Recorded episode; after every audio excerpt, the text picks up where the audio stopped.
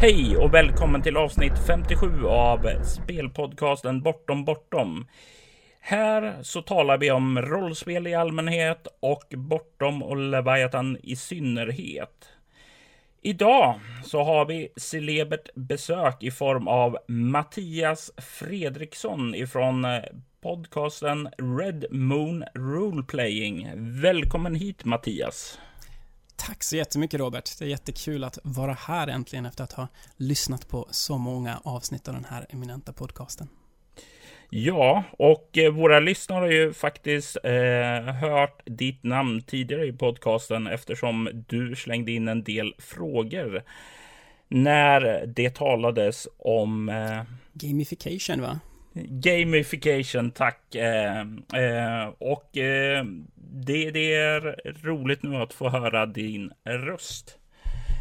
Eh, jag tänkte som så att idag så ska vi tala om, eh, ja, vi kallar för temat för den moderna krönikan och eh, det är ju lite grann, eh, går ju in på det som du gör med eh, Red Moon Role Playing. Om du skulle kort presentera i en eller två meningar. Eh, hur skulle du pitcha vad Red Moon Role Playing är? Red Moon Role Playing är en uh, actual play podcast, vilket ju då uh, är att vi, vi spelar in oss själva när vi spelar rollspel. Uh, det är ganska många som gör det. Vi gör det mer som en radioteater och tar och klipper det ganska så hårt så att det ska vara en, en story med mycket flow i och liksom som håller illusionen uppe och håller en väldigt så här, mörk atmosfär. Eh, snarare än de här lite mer roliga eh, actual play-podcasterna som väl är det, det vanliga. Och inte prassel med chipspåsar och bråk om regler och eh, hot mot spelledare. Vi försöker hålla det på en, på en låg nivå. Vi klipper bort det om det skulle komma in eh, vad bra. Eh, då har vi lite koll på vad som komma skall. Vi kommer dyka in på det här mer, men till alla våra gäster här i podden så brukar jag ställa några inledande frågor för att eh, få Ja, att lyssnarna ska få lära känna vem vi egentligen pratar med. Och eh, Mattias, eh, när började du att spela rollspel? Jag började spela rollspel i slutet av 90-talet. Det var eh, någonstans runt 98. Ursprungligen så drogs jag in tack vare datorrollspel. Det var ju kanske eh, du som spelar en hel del spel också vet väl att det är där kring som Baldur's Gate och Fallout och de här ganska så djupa eh, datorrollspelen. Det var då de kom ut. Eh, och eh, det, var då, det var då som jag eh, verkligen kom in på rollspel i största, i största allmänhet intressant för jag kommer ju precis från andra hållet. Jag spelade rollspel och kom in på da de där datorrollspelen tack vare just rollspelen. eh, så tvärs emot där. Eh, men hur, hur det väckte sitt intresse där i alla fall då förstår jag. Men hur tog du det från det ena steget till den andra delen av hobbyn så att säga? Ja, så det var ju det som fick mig att öppna ögonen eh, för rollspel och eh, jag hade faktiskt en, en kompis då som erbjöd sig att eh, spelleda Drakar och Demoner 91 som han och hans bror höll på att spela. Och mm. han spelade då det för mig och, några andra vänner och jag, jag, tror att vi spelade jag tror att det var inledningen till enhörningshornet som vi spelade, men vi, vi kom egentligen aldrig så långt utan vi blev fängslade av skurkarna och jag tror väl att vi blev avrättade eller något sånt där. Det var, det var väldigt så här äh, spelledaren mot spelarna, typ, äh, spel. Så det var en lite så här harsh äh, start sådär. Men, men det, var, det var den första erfarenheten som jag hade utav det. Det var, det var ganska häftigt. Intressant att du säger första, vad heter det, mötet så där blir imprison. Det var exakt det som skedde min första spel spelgrej. Eh, spelledaren fängslade oss och avrättade oss. Eh, jag vet inte om det säger någonting om hur spelledare introducerar nya spelare till hobbyn, i alla fall förr. Ja, men jag tror att förr i tiden så var det väl lite mer också just det här spel, att spelledaren skulle försöka besegra spelarna. Jag, jag tror väl också kanske när man spelar och är lite yngre sådär så, ja, man kanske det kanske inte handlar så mycket om att alla i gruppen ska ha roligt, utan mer just att man ska vinna då kanske. Eh, det är mm. som tur var någonting som, som jag känner har växt ut, liksom växt bort från hobbyn och, och definitivt från, från det sätt som, eh, som jag har spelat eh, sen, sen efter det. Sedan ska man ju understryka också, jag tror det är någonting med ålder. Börjar man ung så har man inte samma perspektiv som man har när man har hållit på med hobbyn under en längre tid. Det är ju, man blir äldre, man blir mer mogen, man kanske tänker på fler personer än sig själv också. Ja, förhoppningsvis, förhoppningsvis gör man det. Eh, men, men det var så början var, men, men mm.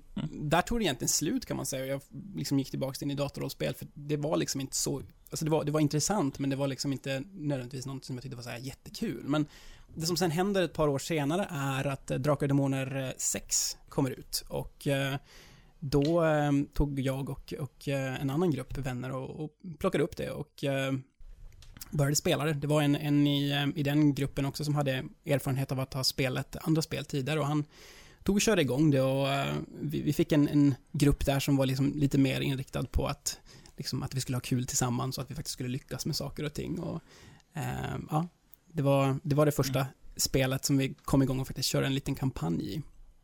Mm. Eh, så du startar i alla fall som många, många andra då gjorde på den tiden med drakar och demoner. Eh, men eh, var gick du vidare ifrån det?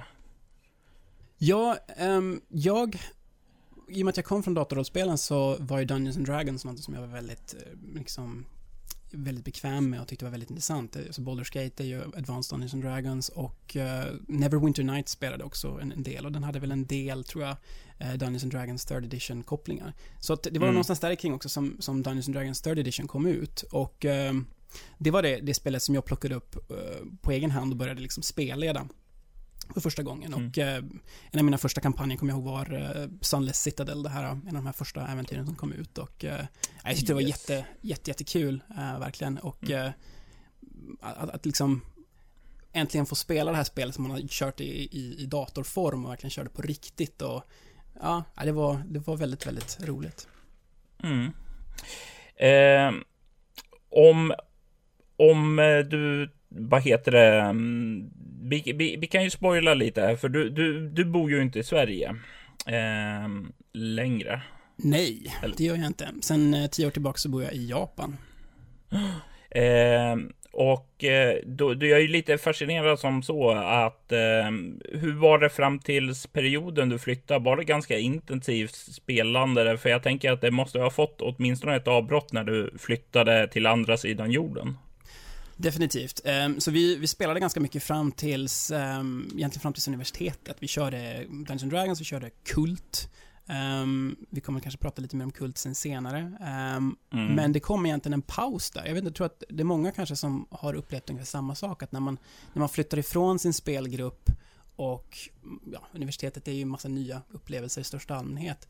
Så är det lätt att man, liksom, man, man tappar mm. kontakten med, med hobbyn. Och det föll väl också kanske samman ganska mycket med den svenska rollspelsdöden lite grann, att det var ja, det, det kom kanske inte ut sådär jätte, jättemycket eh, längre. Det blev väldigt, väldigt nischat där. Så att eh, jag tappade egentligen under, eh, under nästan, ja det var väl under nästan tio år egentligen som jag ehm, jag, jag, köpte på mig rollspelsböcker och jag liksom hade väl någonstans en medvetenhet om vad som pågick i hobbyn, men, men vi spelade inte, utan vi, vi pratade bara om att vi skulle spela. Vi skulle, vi skulle dra ihop någonting till sommaren alltid var det liksom. Men gradvis så liksom det blev, blev inte att det hände någonting och barriären för att verkligen göra någonting blev bara högre och högre då för att man hade liksom byggt upp så, så stora förväntningar.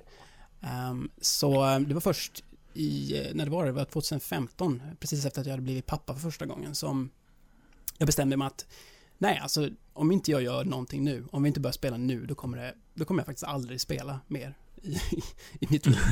Och eh, det enda som är realistiskt är att köra online. Det är det enda sättet att, att hålla kontakten och att kunna spela nog mycket för att det ska liksom vara värt det. För att under somrarna kanske man hinner med ja, en eller två sessioner, men liksom det blir ingen kampanj, det blir inget, inget fortlöpande riktigt. Um, och um, det var då vi kom igång igen. Um, och uh, ja, sen dess har vi, har vi kört ganska mycket och det har lett mig in på banan med poddande och en massa annat roligt. Är det, upplever du det stora skillnader gentemot spela kring ett bord tillsammans och över online då i sig? Hur har rollspelandet förändrats? Det är ju det är helt klart en skillnad. I, I början så måste man ju liksom vänja sig vid det. Men vi har kört ganska mycket med Skype och vi har kört med video och vi har försökt undvika att köra med Roll20 och sådana här andra liksom grejer som gör att man mest sitter och stirrar på en karta, utan liksom vi har försökt verkligen fokusera på varandra, på varandras ansikten när vi talar liksom och försökt, försökt komma så nära den där liksom ursprungliga upplevelsen som möjligt. Och man mm. vänjer sig, om, om, man hittar liksom det som är roligt i det. Det är, det är annorlunda egentligen bara, men jag tycker fortfarande att det, jag tycker nog att bägge egentligen är, är nästan lika roliga.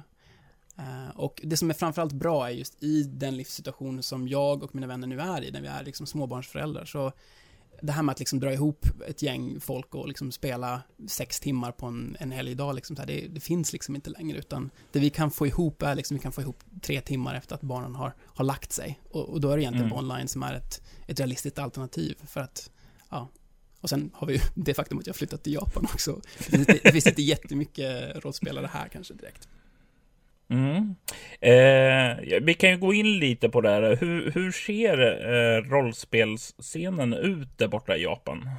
Jag hade jättedålig koll på den faktiskt tills ganska nyligt. Den är, den är faktiskt ganska spännande. Det görs, det görs ganska mycket spel lokalt. Eh, det finns ett som heter Ryutama och ett som heter Shinobigami.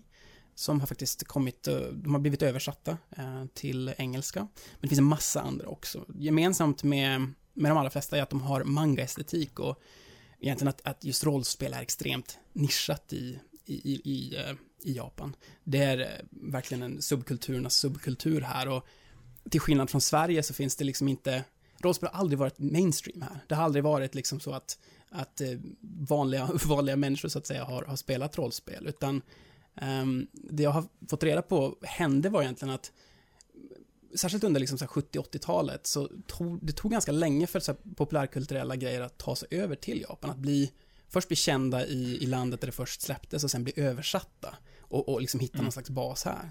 Så om man då tänker liksom på vad som, vad som hände med rollspel, det är liksom 74 som vi har Dungeons and Dragons som kommer. Någonstans runt 10 år har jag hört att det tar ungefär innan någonting, liksom just då på den tiden, kom över hit. Eh, 84, mm. vad händer 83? Ja, det kommer en uh, liten uh, spelmaskin då, som heter Famicom. och uh, det som, för det hände ju i Sverige liksom, det var ju en av de sakerna som liksom dödade rollspelen med, liksom när det gäller just mainstream var just att, att folk började spela tv-spel istället. Och här kom det liksom så pass in på att, att rollspel överhuvudtaget liksom uppstod överhuvudtaget, att, att det hann aldrig hitta någon, någon, större, någon större bas. Så att det är faktiskt, eh, det är extremt nischat. Folk vet vad RPG är, men då tänker de på Dragon Quest. Eh, bordsrollspel, det, det har de liksom, vad, vad, är det för någonting? Det är helt, i Sverige kan man ju säga Drakar och Demoner och så har förmodligen folk hört talas om det i alla fall, men, mm. men här är det verkligen bara ett totalt frågetecken. Intressant där. Eh, för det är ju just det där att eh, det, det är fascinerande att höra hur det ser ut i andra kulturer så att säga. Eh, eftersom eh, det är lätt att man fastnar i tänker, ja men så här är det i Sverige. Eh, och sedan tror att det är så rätt över världen. Men Sverige är ändå ett sådant land som har varit ganska Ja, där rollspelen verkligen har fått rota sig och blivit en del av en folklig medvetenhet som många andra länder inte har. Det är helt sant, det är helt sant. Och det är, vi är ju en av de liksom ledande nationerna nu när det gäller liksom rollspelsproduktion. Och jag tror att om man tittar på sålda X så är väl Drakar och Demoner en av de spel som har sålt allra bäst om jag minns rätt. Liksom 100 000 mm. X eller något sånt där som sålde. Så det är ju jättemycket med, liksom, till och med med internationella mått uh, mätt. Liksom. Så att mm. eh, vi har alltid varit en stor rollspelsmarknad. Eh, och det är lite annorlunda här. Mm. Men det ska sägas att det har på senare, liksom bara de senaste åren har det börjat hända någonting. Eh, och det, det, det, är ganska lustigt egentligen, för att det som har hänt är att någonting som kallas för replays har börjat bli populärt. Och en replay är en, en transkriberad det transkriberade rollspelssessioner, alltså någon som har skrivit av den här personen säger det här, och den här personen säger det här. Och så blir det, det blir som en, ja, det blir som en rollspelskrönika då egentligen, fast, fast eh, ja, det är som att någon har liksom skrivit av en session egentligen. Um, det är lite grann som de här gamla spelexemplen. Mattias, ja. Eh, ja, ni går in i en mörk grotta. Och eh, Robert, jag drar mitt svärd. Eh, typ lite grann eh, så eh, får jag känslan av. Exakt, exakt. Och um, det de då har gjort med de här är att uh, de släpper dem som böcker då. Och det spel som av någon anledning har blivit absolut mest populära är Call of Cthulhu, vilket inte är japanskt. Eh, jag tror inte att Lovecraft är så superpoppis i Japan direkt, men de som började med replays, de spelade Call of Cthulhu, de spelade i modern setting i Japan, och alla de här böckerna som nu har getts ut som replays eh, till Call of Cthulhu, jag tror att de flesta av dem har, eh, Eh, har tagit den här manga-estetiken. Så jag tror att vi kanske kan dela med oss av en av, eh, en av framsidan till exempel på hur det ser ut. Men det är liksom, du har Call of Cthulhu-loggan, Causiums liksom klassiska logga, och så har du liksom animebrudar med eh, liksom eh, kjolen som fladdrar i vinden liksom. Det är helt, helt bisarrt faktiskt.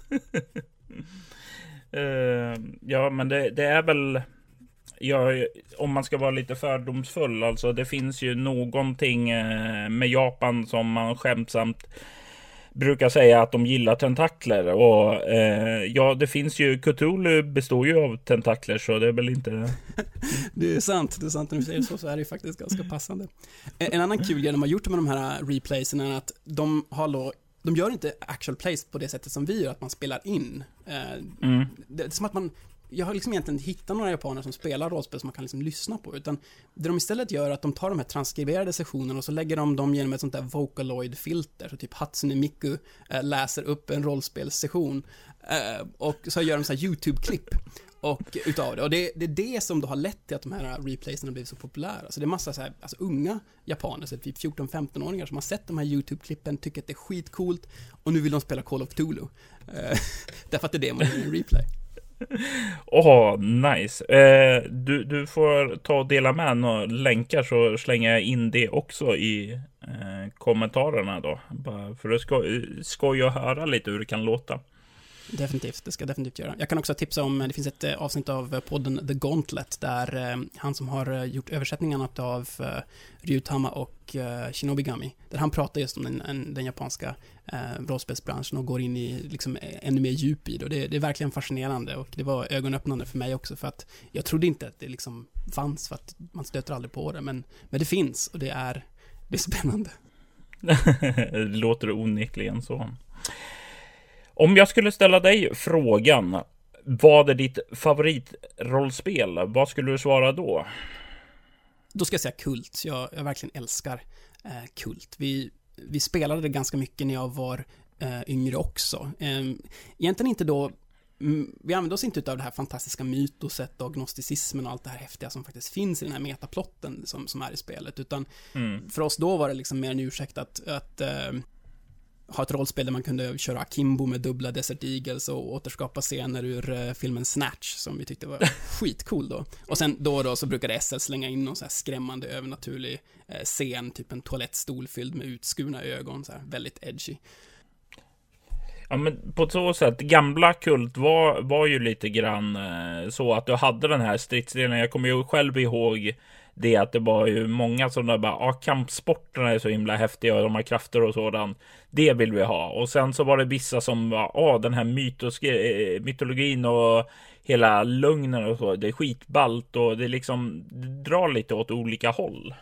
Det gör verkligen det. Man, man, jag tror att jag tror nog att de hade lite olika visioner om vad det här spelet faktiskt skulle vara och sen har man väl då använt sig av mer eller mindre ett BRP-system för det då och det är kanske inte riktigt mm. perfekt lämpat egentligen för skräck.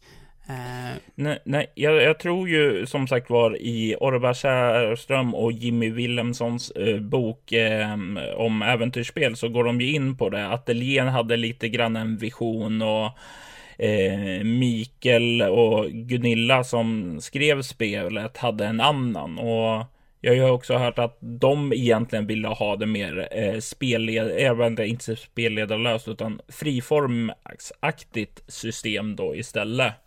Och jag kan ju se där att bara där så finns det ju liksom två olika viljor som drar åt olika håll. Helt sant, helt sant. Och det är egentligen det som jag tycker är så häftigt nu med den här nya eh, versionen som vi spelar i Red Moon Roleplaying då, den av, eh, den som Helmgast eh, har satt ihop som är baserad på Apocalypse World, ehm, Kult-Divinity Lost. Och den är ju mycket mer anpassad för hur man faktiskt spelar eller liksom, hur jag tycker man bör spela skräck. Och de har liksom lyckats slimma ner det hela till, till bara precis det man behöver snarare än, jag vet inte hur många sidor i liksom grundreglerna till Kult som var liksom dedikerade till vapenskisser och liksom så här, så här mycket ska du slå för att få en skråma, så här mycket för att eh, liksom dödligt sår och sånt där. Det var jättehäftigt, alltså det var verkligen, om man gillar så här vapen och actionfilmer så var det coolt, men det var, det var liksom en, en stor diskrepans gentemot det här skräckfyllda, gentemot den, den här illusionen och allt det andra som är verkligt häftigt egentligen med, med Kult. Mm. Jag kommer ihåg själv, det, det som var det absolut fräckaste för mig, det var ju den här mentala balansen. Och resan mot eh, uppåt 100 plus eller 100 minus där, alltså det var ju det som Eh, satte spår i mig. För det, det, är ju verkligen då ett utforskande av identitet och själ som leder till något konkret. Och tyvärr hade vi aldrig någon spelledare som riktigt kunde ta tag i och utveckla det där. Ehm. Nej, jag, jag tror inte att du är ensam om det. Jag, mm. vad jag har liksom fått, fått höra från folk som har spelat Kult, så oftast det sätt man spelade Kult var egentligen att man man spelade vanliga människor, man upp, liksom gjorde undersökningar i någonting, man utredde något mord eller, eller något sånt.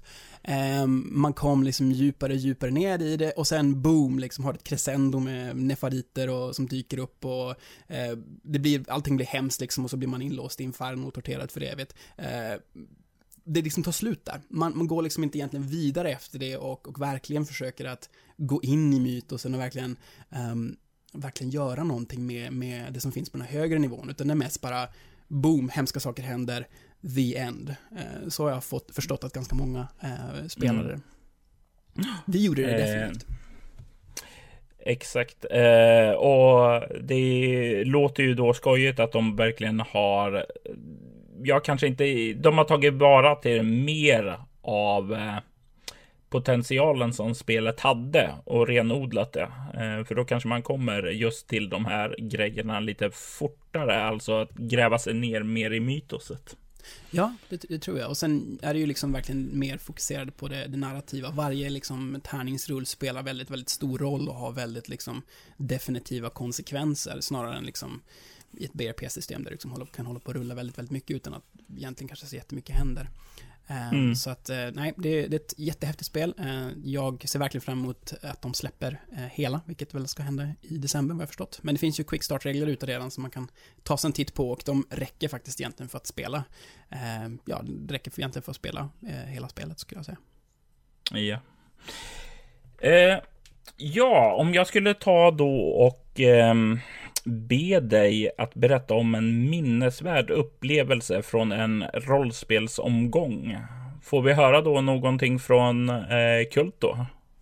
Jag tänkte lite grann kring Kult, men, men sen kommer jag liksom att tänka på att det som egentligen har lämnat mest bestående minnen i mig, det är någonting som kom från när jag först spelade rollspel, alltså första gången. Eh, och eh, det är något som verkligen liksom har stannat med mig. Och det, vi spelade som sagt då, jag tror, det var enhörningshornet, jag är inte helt säker. Eh, men eh, jag hade skapat en alv. Eh, ja, så då Legolas. För att klart man skapar Legolas. Jag hade inte så jättemycket fantasi när jag var typ 14 år. Han hade svart hår dock, så där hade jag någonting som var lite unikt.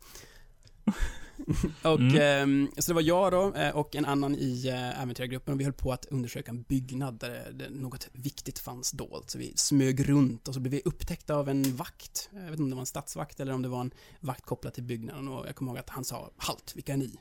Och då tog jag, som var liksom van med datorrollspel, eh, och vände mig till den andra spelen och sa okej, okay, vad ska vi säga åt den här mannen? Liksom, jag var liksom van att allting är turbaserat, liksom att man kan stanna tiden. Men spelledaren tolkade det som att, okej, okay, det är det som du gör, du börjar prata med din vän här. Så det som sker är då att vakten anföll och liksom daskade till mig och typ bröt min näsa eller något sånt där. Och det, var ett, eh, det var verkligen ett uppvaknande just från eh, hur ett datorrollspel funkar och sen insikt att, att det här, eh, vanligt rollspel, att det, det är verkligen, det är nästan som på riktigt. Det var, det var jättehäftigt faktiskt. Kanske inte den mest positiva introduktionen till rollspel, men det var verkligen så här ögonöppnande. Oh, ja, nej men det, där kan man ju tala om lite grann en kulturkrock där. Eh, från ett medium till ett annat. Eh, Precis. Spännande. Eh, det är ju tur att du fastnade och blev kvar och inte gav upp efter det. För jag tänker mig det är också någonting som eh, skulle kunna leda ut till också. Det är sant. Men då tror jag att vi känner dig lite bättre Mattias. Vad säger du? Ska vi gå in på avsnittets tema? Det låter jättebra.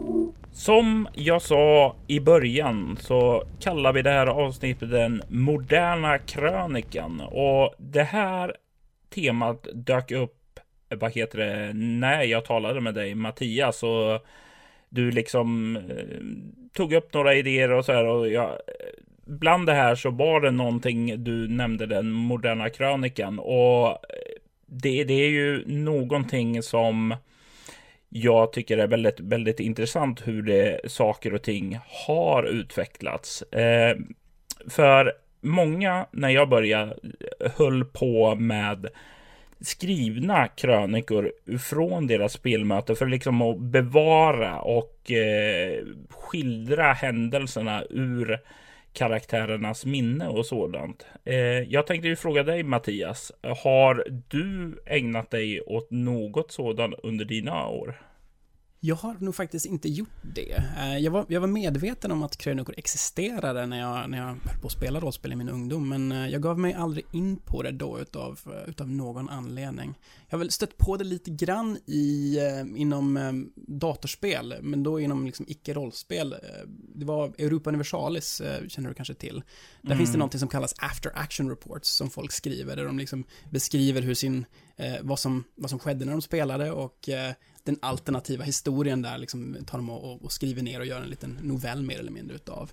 Ehm, så jag har stött på liksom fenomenet där, men, eh, men nej, jag har, eh, jag har inte skrivit något själv. Ehm, däremot har jag nu på senare tid läst, eh, läst några. Ehm, jag gillar den här som Jonny Hedqvist gör om Hälsingland och Arken Bifrost i Mutant Ornol. De har en hel webbplats och grejer som, som jag tycker är ganska häftig. Och sen eh, mm. läste jag nyligen också en eh, på rollspel.nu som handlar om eh, åttaåringar som spelar eh, spelet om Morwale. Och liksom få höra hur, hur det låter när, eller läsa hur det låter när, när barn spelar rollspel och hur deras första kontakt med det är. Så jag, jag gillar verkligen mediet men eh, som, som synd var så har jag inte riktigt ägnat mig åt det själv. Inte än i alla fall. Ja, eh, vi kommer slänga in de här länkarna till de du, exemplen du tog upp eh, i inlägget om ni vill ta och glida in på dem. Eh, jag har ju ett litet annat eh, perspektiv. Jag är en sån här prepper, alltså, och då menar jag inte så här eh, förbereda sig för världens undergång, utan mer att jag preppy for play. Jag gillar att skriva bakgrundshistorier. Eh, jag gillar att sätta mig in i karaktärer. Eh, jag, jag ofta så här bara en sak. Jag skapar temalåtar till mina karaktärer som jag sitter och lyssnar på om och om igen inför spelmötet för att komma i stämning. Och jag gillar att skriva. Eh, det blir lite mindre nu när jag ska skriva så mycket annat än förr, men Alltså redan i ungdomens dagar när jag gick i högstadiet och började spela så var det som så att jag började att eh, skriva eh, betraktelser utifrån min karaktär. Alltså jag, jag tog, eh, för den här tiden var innan jag hade en dator. Så jag tog en gammal bok, eh, tog varje sida och klistrade in vad heter det, ett vitt papper eh, och liksom så man kunde skriva över eh, alla de här tryckta bokstäverna och sådant eftersom jag uppenbarligen var för snål för att köpa en riktig anteckningsbok vid det laget. Och sen så satt jag och skrev eh, efter varje spelmöte en dagbok helt enkelt. Eh, och det här är någonting som eh, jag inspirerades av efter att jag läst en artikel i den gamla rollspelstidningen Sinkadus som hette Krönikera Mera. Jag tror det var Åke Eldberg som skrev den.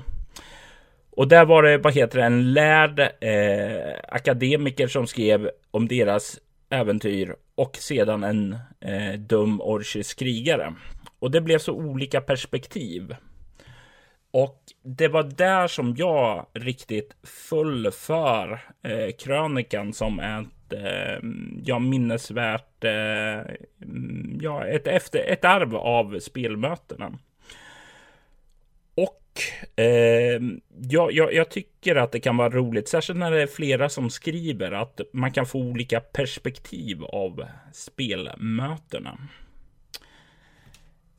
Eh, nu när vi har eh, digitala revolutionen liksom har svept in över oss, så då, då blir det ju lite annorlunda. Man kan jag, jag, brukar spela in alla mina spelmöten. Inte så mycket för krönikor utan mest för att minnas.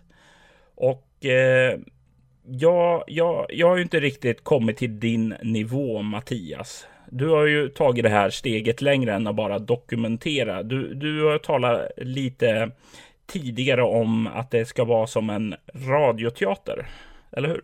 Jajamän, precis. Det är det som vi har som ambition. Så att man eh, liksom lätt ska kunna eh, lyssna och, och, och, höra vad, vad var det vi gjorde i den här kampanjen och eh, att det ska vara ett, det blir liksom ett sätt för mig att, att också spela rollspel och kunna dela med mig av det till, till fler än bara de som är i gruppen. För man lägger ju så väldigt, väldigt mycket tid på att förbereda. Så på något sätt känns det lite synd att det bara är liksom kanske två, tre personer som får uppleva det. Eh, men genom det här mediet så har man ju liksom möjlighet att dela med sig det till, ja, till hur många som helst egentligen. Mm. Jag, jag, tycker att vi gör som så att eh, du, du, kom hit med ett klipp till våra lyssnare ifrån ett av avsnitten. Så jag tycker vi tar och lyssnar på hur det kan låta. As you're walking, the blood in the it's a tummy mat. In places, it's, it's small puddles, and you hear your your shoes stepping in these puddles as if they were puddles of of water splashing a bit. The lights are continuing to flicker. You move into the restaurant, and that is when you hear a rhythmic, almost metallic, gurgling sound coming from over there in one of the booths down that hall in the opposite direction that you're headed towards. The footsteps, of course, continue away from there. The gurgling, it sounds unnatural It continues rhythmically. I pause, and then can I observe the situation? You can. Roll for it. 14. What do you wish to ask? What is being hidden from me? It is obvious to you that where that sound is coming from, there is something that you really should not get close to. It may even be what is responsible for what has happened in here. Need to stay as far away from that as you possibly can. Move quickly and silently in and out. Am I close to the table? You move towards the table, and the book is still here. It's opened. Opened on a picture of an abstract painting, a surrealistic one. almost forms a kind of labyrinth. You feel yourself weirdly drawn to the piece as you approach it. You notice that it's made by an artist named Tiffany Reader. Hans Weber moves up uh, to the book. Carver? Yes? He holds up a bottle of something that he has opened. You can feel the, the smell of kerosene. Carver, thank you. This is the final one. He starts dousing the book uh, with the kerosene. You'd better get out of here now, Carver. Wait. You better what- get out I, of here fast. I thought you wanted the. I thought the man after you wanted the book. and he lights the book on fire. I grab Carver and and let's go. I, I, I don't have the strength to resist being You taken need to away. run now. take me away. Fuck. Run! He uh, yells. You can hear a large crash from where the gurgling was coming. Something is on its way. So you're running. Roll for act under pressure. Eleven. Twelve. 12. You run, and you hear Weber coming after you as well. Run, guys, run! I'll be right with you. The loud metallic crashing comes closer and closer. It's going to be here a lot faster than, than, you, than you would have thought. Uh, Weber bounces into something you hear, falls into a table violently. Uh, you can see him hitting his head. He seems to be out. What do you do? Det där lät ju jättetrevligt, eller hur Mattias? Ja, eh, ja, trevligt är väl kanske inte riktigt vad vi, vad vi siktade på, men, eh, men eh, det är så det låter i alla fall. Jag, jag tyckte det lät mysigt. Skulle du vilja dela med dig lite av, alltså, du sa ju innan ljudklippet att du vill ju dela med dig till fler personer än bara dina spelare. Eh, hur, hur var själva tankarna när ni satte igång allting? Eh, var det du som tänkte att det här måste vi göra? Eh, det här är, eh, vad heter det, eller var det någon mer hela gruppens idé? Hur, hur, hur kom den här att få sin födelse? Är väl vad jag försöker fråga. Ja, så när jag först kom in liksom på, på rollspel igen här nu efter att, eh, liksom efter den här långa pausen, så det var ungefär då som vi spelar rollspel hade kommit igång och, och spelade Svavelvinter, som ju är en legendarisk kampanj som man hört talas om sen, sen liksom man först började spela rollspel. Och jag, var, jag hade aldrig läst den och trodde väl egentligen aldrig att jag skulle kunna få möjlighet att, att uppleva den. Eh, men då kom chansen genom Vi spelar rollspel och man kunde liksom följa en annan grupp som spelar igenom äventyret och liksom få uppleva det på ett sätt som om man nästan satt vid, vid bordet. Jag, jag tyckte det var helt fantastiskt och jag, jag ville bara höra mer och mer och, och bara liksom lyssna på alla andra poddar som fanns eh, på svenska då eh, särskilt och idag så följer jag väl dem allihopa. Och eh, älskar det verkligen, det är bland det bästa, bland det bästa jag vet. Det var dock någonting som jag saknade lite grann eh, i de poddar som jag hörde och det var, det var lite mer så här allvarligt spel. Att, eh, det var inte så mörkt. Alltså, även om man spelade skräck till exempel så blir det ganska mycket out of character-snack, eh, regelsnack, planläggande på metanivå. Ehm, I de liksom mest skräckfyllda se sektionerna så kunde liksom folk sitta och, och flabba för att de tyckte det var så häftigt. Liksom. Så det blev lite grann som att lyssna på ett, ett kommentatorspår över en, över en skräckfilm eh, snarare än att liksom se det som ett, ett förstahandsvittne. Och jag letade runt men jag kunde liksom inte hitta någon som, som gjorde det på det sättet som jag skulle vilja höra det. Um, och uh, bestämde mig egentligen då för att ja, men ingen annan ska om ingen annan kommer göra det här så får jag faktiskt göra det själv. För jag, jag, vill, jag vill höra någonting som är på, på det här viset. Um, så jag tog och kontaktade en av mina vänner från universitetet, Hjalmar, som eh, arbetar som skådespelare i London idag. Han är också en stor rollspelsälskare, även om vi inte någonsin spelat rollspel tillsammans innan det här. Och eh, han är introducerade en av sina vänner där borta, Craig, eh, som eh, även han är skådespelare. Och eh, tillsammans så skapade vi, vi Red Moon uh, Roleplaying då med just målet att det skulle vara mer som en radioteater än, än, än de, de, de, andra actual plays som finns där ute. In, inte för att säga att det, liksom, det är något fel med det. De är helt fantastiska. Men det finns så många av dem redan och de gör det så bra. Vi behöver inte göra samma sak utan vi kan göra någonting som är lite annorlunda.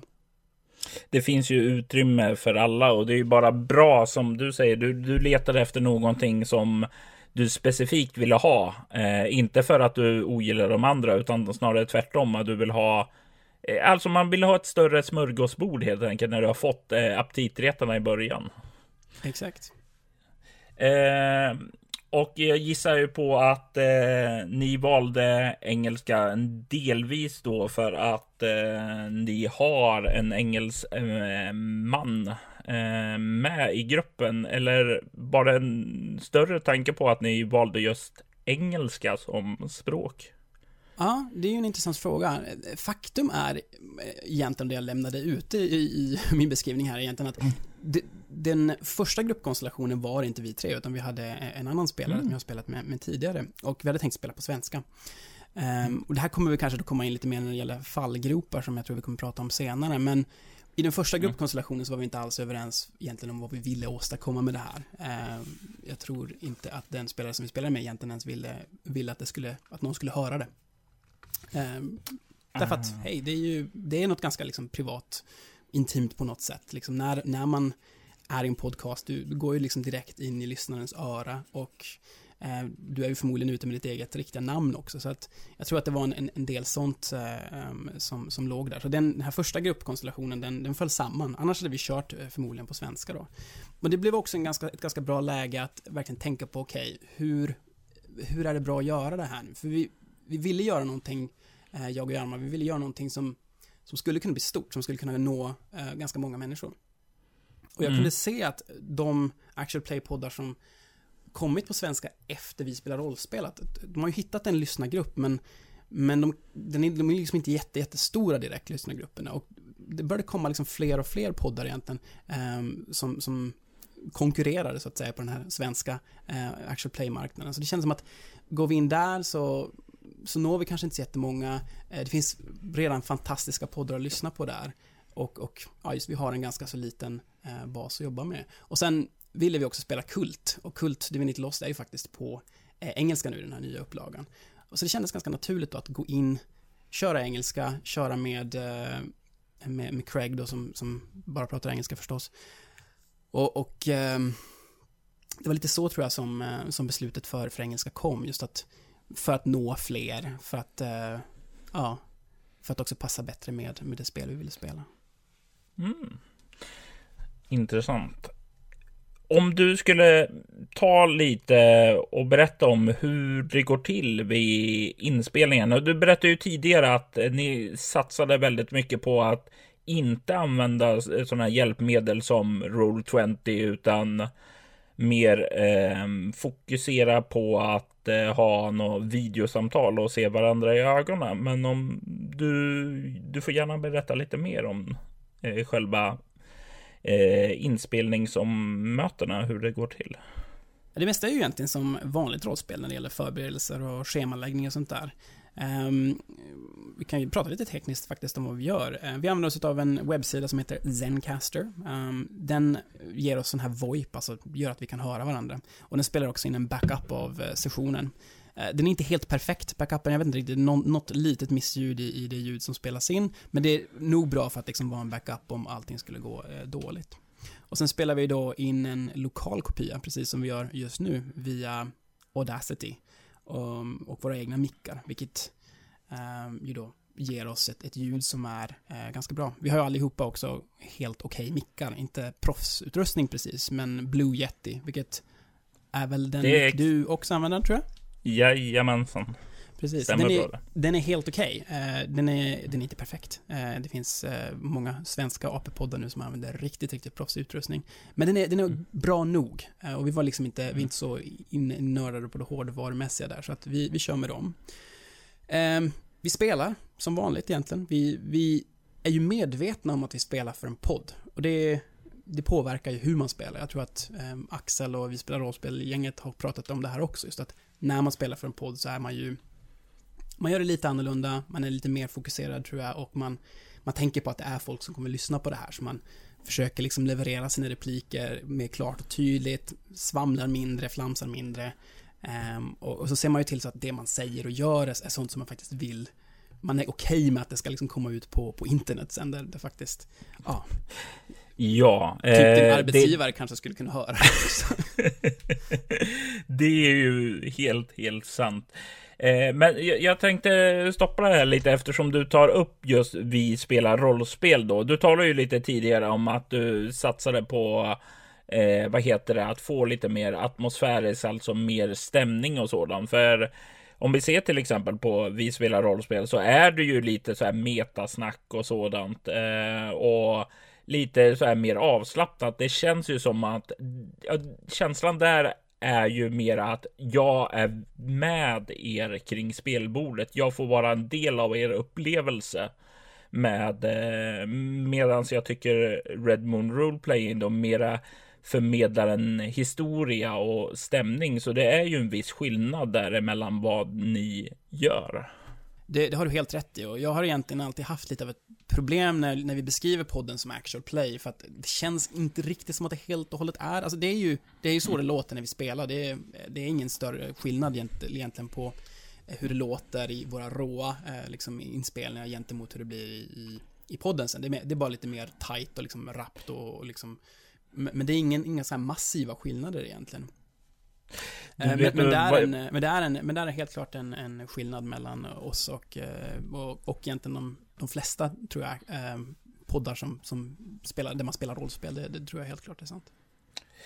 Jag, jag, får ju erkänna, första gången jag lyssnade på Red Moon Road Playing så Alltså jag trodde inte det var så det lät vid spelbord, utan jag fick nästan så här känslan att ni satt och spelade igenom hela spelmötet och sen så liksom nästan satt och med manus efteråt eh, och drog igenom det. För det, det känns, det, det, har verkligen en, eh, jag, jag, skulle säga att det är en sån här radioteater med actual play-inslag snarare. Ja, det, det är ju, det är helt klart så, eh, tror jag det är. Eh, vi har ju, om man börjar liksom på första avsnittet, så har vi i början där en del eh, förberedda liksom grejer som, man, som vi läser upp. Mm. Vi gör en sån stämningstext och, och de har förberett liksom beskrivningen av, av hur de ser ut. Men sen allt efter det är bara att vi spelar. Och allt efter det är improviserat. Och mm. jag tror att en av de stora skillnaderna är just också att de är, de är alltså utbildade skådespelare. Så de är vana mm. att leverera repliker eh, på ett, eh, ja, in, liksom på ett mer professionellt sätt helt enkelt. Och då, då känns det som att det faktiskt är nästan som att det finns ett manus, även om det, det i verkligheten faktiskt inte, inte gör det. Och sen hjälper ju redigeringen också. Jag menar, mm. det är mm. inte så att de är, är liksom 100% rappa hela tiden, utan ibland så blir det att man vill tänka efter, ibland så kommer det någon, någon sektion där, där, som inte leder någonstans eller, eller som är ganska förvirrad så här, och då kan man, då kan man liksom gå in efteråt i redigeringen och ta bort det just för att man vill ha en mer eh, man vill ha mer flow i, i story, man vill, man vill liksom hålla det, hålla det liksom så att det rör sig framåt hela tiden och så att det, det blir väldigt, väldigt lätt att, att lyssna på. Mm. Eh, vad, vad är, som vi sa, nu har du talat lite om Zencaster och sådant som ni använder för att spela in. Eh, men ni spelar in eh, även lokalt för bättre ljudkvalitet.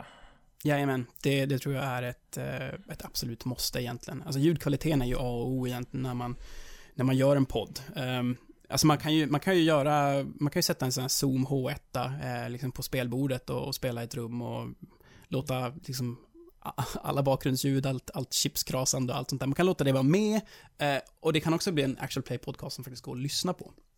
Men mm.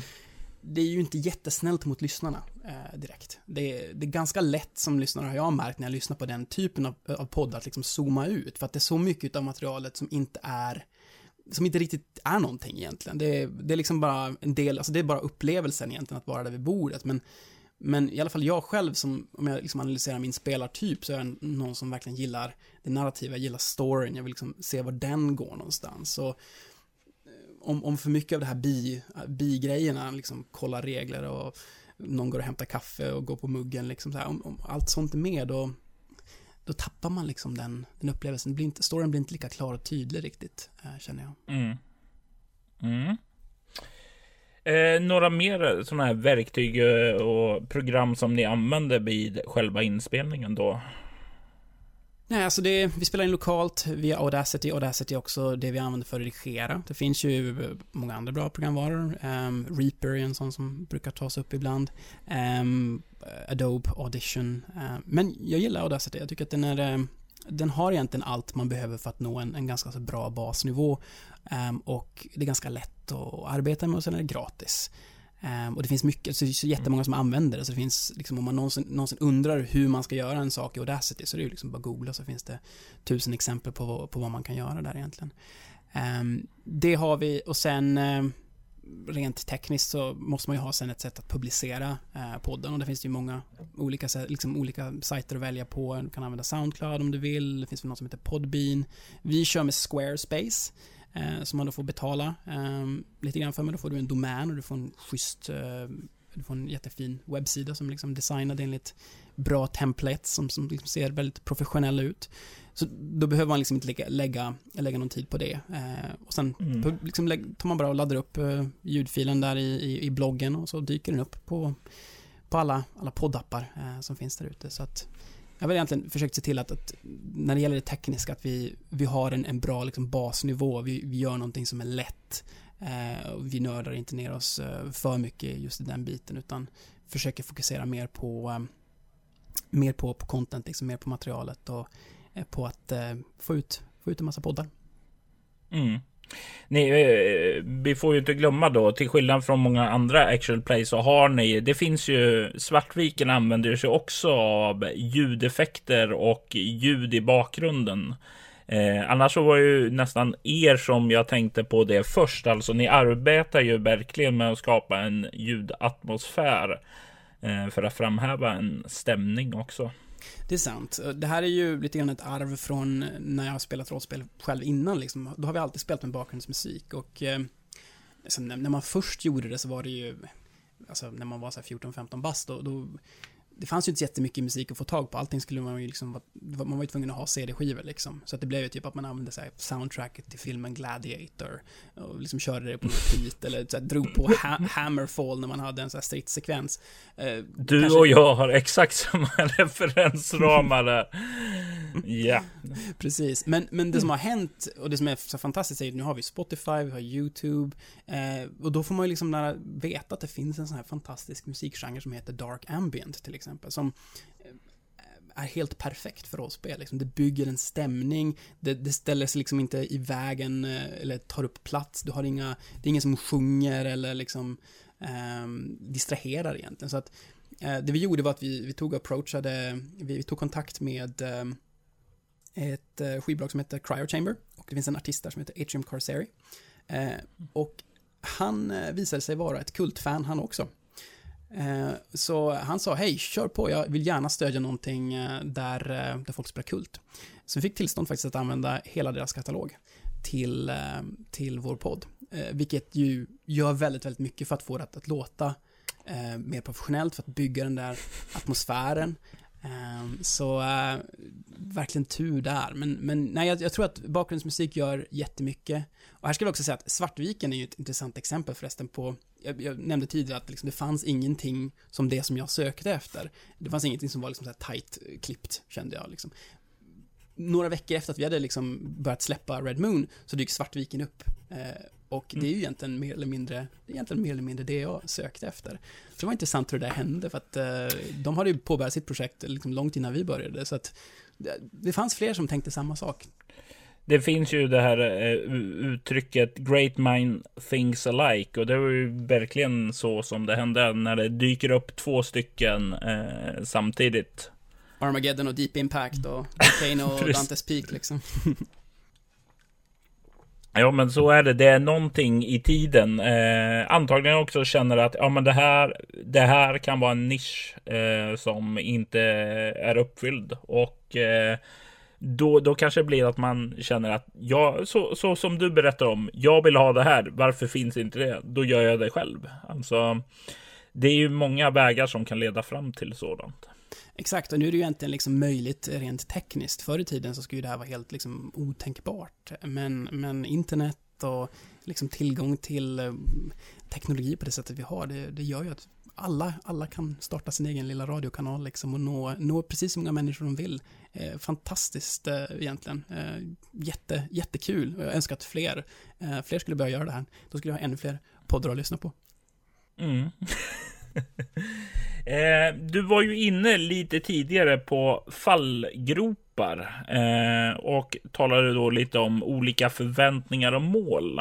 Eh, jag, eh, jag tänkte höra med dig eh, fler fällor som man bör undvika att trampa i. Som sagt, så jag tror att den absolut viktigaste grejen innan man börjar ett, ett sånt här projekt är ju att verkligen vara på det klara med vad är det man vill uppnå. Vill man skapa en podcast som har så många lyssnare som möjligt, liksom bli en mindre internetkändis och liksom typ dra igång en Patreon och få en extra inkomst. För det kan man göra. Eh, Det finns en podcast som heter Friends at the Table. Har du hört talas om den? nyligen. Mm. De drar ju alltså in mer än 100 000 i månaden på sin Actual Play podcast. Eh, det är helt bisarrt.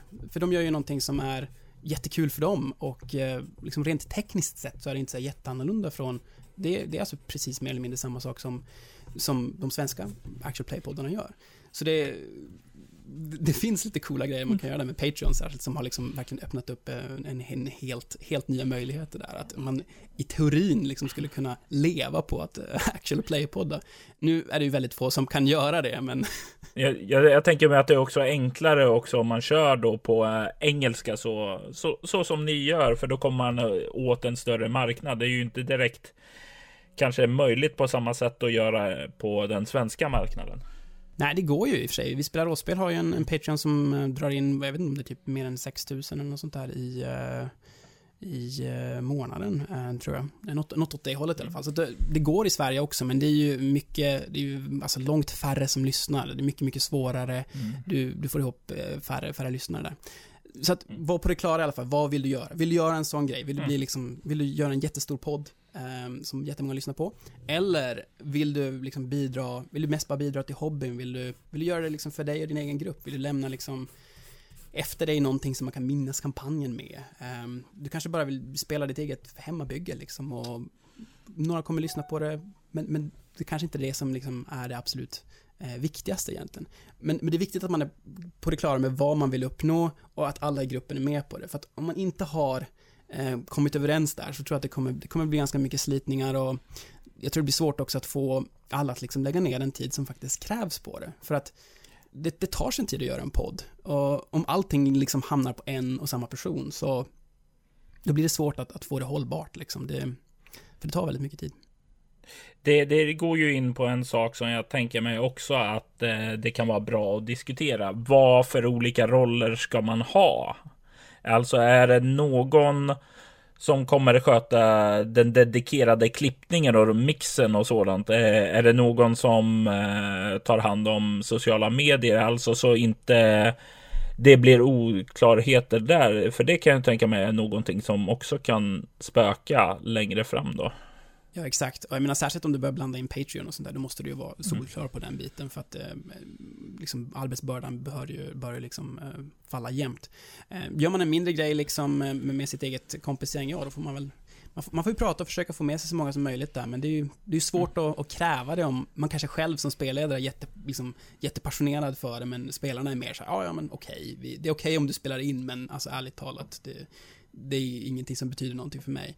Um, mm. Så att, nej, att, att ha ett, eh, en bra eh, överenskommelse från början, det tror, jag, det tror jag är väldigt, väldigt viktigt. Det är också viktigt därför att det bör styra lite grann vad man sen faktiskt spelar, hur man spelar. Um, till exempel om du vill bli en jättestor eh, podd, liksom om du vill bli jättekänd, då är det bra om du spelar någonting som någon har hört talas om. Uh, börjar du spela ditt eget hemmabygge till exempel, så kan du inte riktigt räkna med att så många kommer ge dig en chans att lyssna. Du, din podd, du själv är förmodligen okänd och nu tar du då och väljer också ett, ett spel som inte har ett varumärke egentligen. Var, var, hur får du då folk att lyssna på det? Det, det är en utmaning. Um, där, om vi tar till exempel Vi spelar rollspel som ett intressant exempel. De gjorde det jättebra. De tog Svavelvinter, som alla svenska rollspelare nästan, eh, ganska många i alla fall, mm. känner till. Och så tog de Drakar och Demoner. Vilket ju är fortfarande, det, det måste ju vara det mest, liksom det starkaste varumärket egentligen som finns. Ehm, du får väldigt många då att ge, ge podden en chans, du får in en lyssnarbas och sen efter det så kan man ju liksom, när du, har, när du väl har lyssnarna kan du göra precis vad du vill. Du kan, du kan spela dina egna eh, hemmabyggen, du kan spela mindre liksom, nischade spel liksom, och, och, och lyssnarna är med dig. Och då har du då har du folk som lyssnar på vad du gör, som, som ger dig positiv feedback och som ger dig den här energin att, att fortsätta hålla på med, eh, med det du gör. För att som sagt, det kräver en hel del tid och energi och jag tror att jag tror att om man bara gör det för, för sin egen skull eh, så, så, tror jag att jag tror inte att man kan hålla, hålla, det så länge. Eller det är inte så många som orkar med så länge utan tror att man, man, man då snabbt kommer att eh, lägga ner. Mm. Um, jag tänker, tänker ju då, eh, vad heter det, för de som skulle vara intresserad nu och lyssna lite och eh, hört hur ni gör eh, och tänker sig, ja men vi kan, eh, kanske inte vill ta steget till att eh, prångla ut det här i en actual play-form, men det vore åtminstone rätt trevligt att spara det här och bevara eh, vad heter det, mm, som minst till spelgruppen i sig.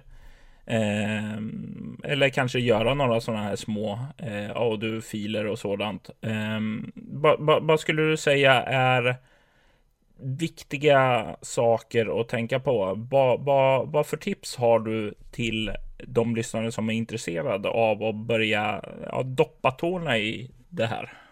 Jag tror ett, ett bra ställe att börja är ju att skaffa en eh, Zoom eh, H1 eh, som är den här liksom klassiska eh, nybörjarinspelaren egentligen. Det är alltså en, en mick eh, som spelar in till ett minneskort. Du kan ställa den på spelbordet och den plockar upp ljudet helt okej. Okay. Det blir liksom inte det blir inte proffsnivå på det, men det går att lyssna på efteråt och du kan höra vad folk säger. Eh, perfekt sätt att, liksom, som, som du har gjort, att liksom do dokumentera sina sessioner så att man kan gå tillbaka och kolla vad, vad, man faktiskt sa om man är spelledare till exempel. Eller att gå tillbaka liksom, ett decennium senare när man vill komma ihåg kampanjerna man spelade. Så att en, en Zoom H1 är egentligen ett ganska bra ställe att börja på, att, att plocka upp en sån först. Särskilt om man spelar fysiskt. Eh, ligger på runt en tusing, så att det inte det är inte jättemycket pengar nödvändigtvis. Särskilt inte om man kan få resten av gruppen att liksom stödja, um, stödja att man köper det. Um, ska, man, ska man göra en, en, en podd och släppa det till folk så är det ju, jag, jag tror att det är bra om man, om man investerar i okej okay, Alltså just okej okay mickar i sådana fall. Nu, vi spelar ju online till exempel och eh, om alla spelare har till exempel en Blue Yeti, eh, 1500 någonstans ligger de på, då kommer ni få ett, ett, ett, bra ljud som, som gör att det blir, det blir enkelt att lyssna både för dig själv och, och för andra. Men det där kommer också förstås vara en ganska stor barriär, just för att det är ganska mycket pengar om alla ska ha sin egen grej. Men, men egentligen just börja med, börja med ljudet, att det, det finns på plats där. Ehm, att ni antingen har en, en, en Zoom till exempel, eller att ni har eh, att ni har någonting som är bättre än ett vanligt headset egentligen när ni spelar in. Um, så det är, det är ju ett, ett tips. Um, och ett annat ska jag säga är um, att tänka på vilket spel ni, ni spelar. Inte bara för att, liksom, vad som är populärt och sådär, men det finns vissa spel som som kanske inte är så jätteroliga att lyssna på i efterhand. De är säkert väldigt roliga att spela, men om du har spel som till exempel är extremt eh, fokuserade på strid och det är liksom hundratals tärningsrull bara om och om igen. Det är jättetråkigt att lyssna på, tycker jag i alla fall. Det är, om du inte dessutom har liksom en, en video, en, en sån här liksom YouTube-klipp av, av när du gör en taktisk karta och flyttar runt gubbarna så här, så det, det blir väldigt svårt att hänga med vad som faktiskt händer. Så att, att, att tänka på att spela någonting som kanske är lite mer fokuserat på story, eller att hålla striden i alla fall ganska så korta, gör ju då just att det blir, det blir någonting som blir, eh, som blir eh, roligare att lyssna på. Och sen kanske ett sista tips är väl egentligen, om man vill göra någonting, eh, om man vill göra en podd till exempel, eh, att, att, arbeta med, med, spelare som vågar spela sina rollpersoner. Som eh, Ja, som, som vågar agera och liksom kan självständigt se till så att storyn alltid håller sig intressant. Liksom som om spelledaren kastar ut, eh, kastar ut någonting, ett förslag, liksom, så, så tar spelaren liksom och, och kör på det och gör någonting intressant utav det, snarare än att säga nej, men så, så är det inte, eller liksom börja ifrågasätta regler eller något sånt där. För att de grejerna kommer liksom göra att, eh, att det kanske inte blir så roligt att lyssna på efterhand. Så att tänka lite grann på vilka spelare man har och, och hur lämpade just eh, deras spelstil kanske är till att någon faktiskt ska lyssna på det efteråt. Så det är väl, eh, det är väl några, eh, några saker där. Utmärkt. Eh, då hoppas jag att ni lyssnare har fått en del tips och kanske vågar börja tänka på tanken att göra någonting eget. För även om det finns många olika poddar och sådant ute där så finns det rum för många, många fler. Ja, det finns det. Det finns rum för alla eh, och eh, du kommer alltid att få lyssnare, tror jag, nästan vad, vad du än gör. Eh, var liksom bara realistisk med vad du vill, vad du vill ha ut av det. Var klar och tydlig med det och, och, eh, och kör på. Eh, jag kommer lyssna på dig, eh, mer eller mindre garanterat, om du kör på svenska. Toppen, där hör ni, ni är en lyssnare redan. Yes.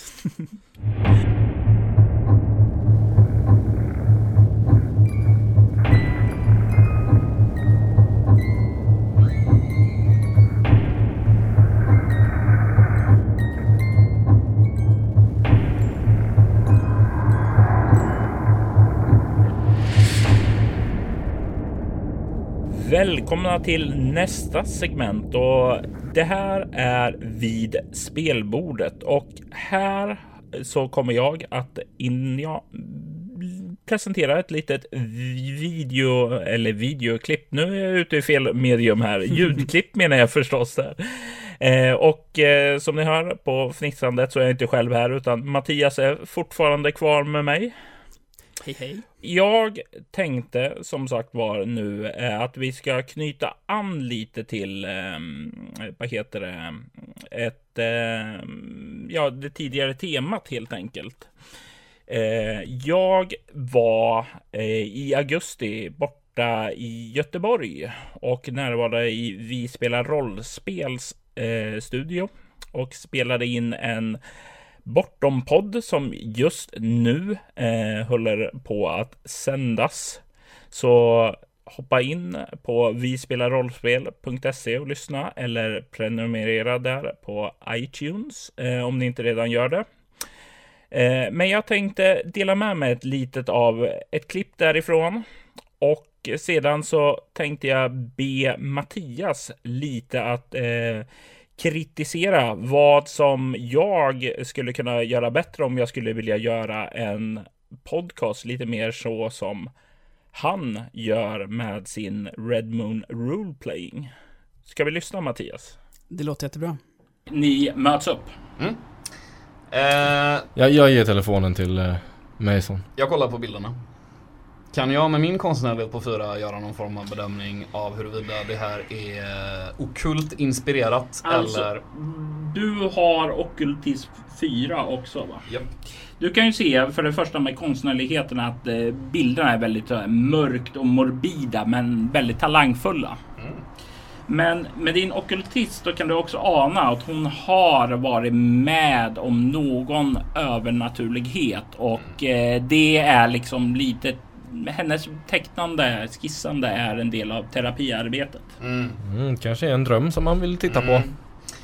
Eh, det var, ska vi se, det var en säng här som var tom Mm. och i en säng låg eh, Caroline. Ja. Eh, hypotes. Eh, Caroline är eh, angripen av någon form av eh, varelse med närvaro i, eh, på drömplanet. Liksom. Eh, Jehona, Säger du detta? ja jag går, runt, jag går fram och tillbaka i rummet här och pratar högt och gestikulerar med armarna liksom. Men du vill ju inte väcka henne. Nej men hon kommer inte vakna. Eh, Drömplanet. Ja, eh, det här, vi kan ta det sen Sergej. Men eh, världen är större än du tror helt enkelt. Eh, så är det med den saken. Jaha. Jag kan demonstrera det för dig alldeles Mm. Eh, Jehona förstår detta av någon anledning och eh, går för att lösa detta därför att Jehona behöver Caroline. Eh, så Jehona är ute nu och försöker göra någonting för att eh, rubba Caroline ur det här tillståndet. Robert, jag får inga förnimmelser härifrån så som jag fick ifrån kontoret i affären Nej. va? Nej. Eh, och eh, vad vet jag om Caroline? Inte skitmycket.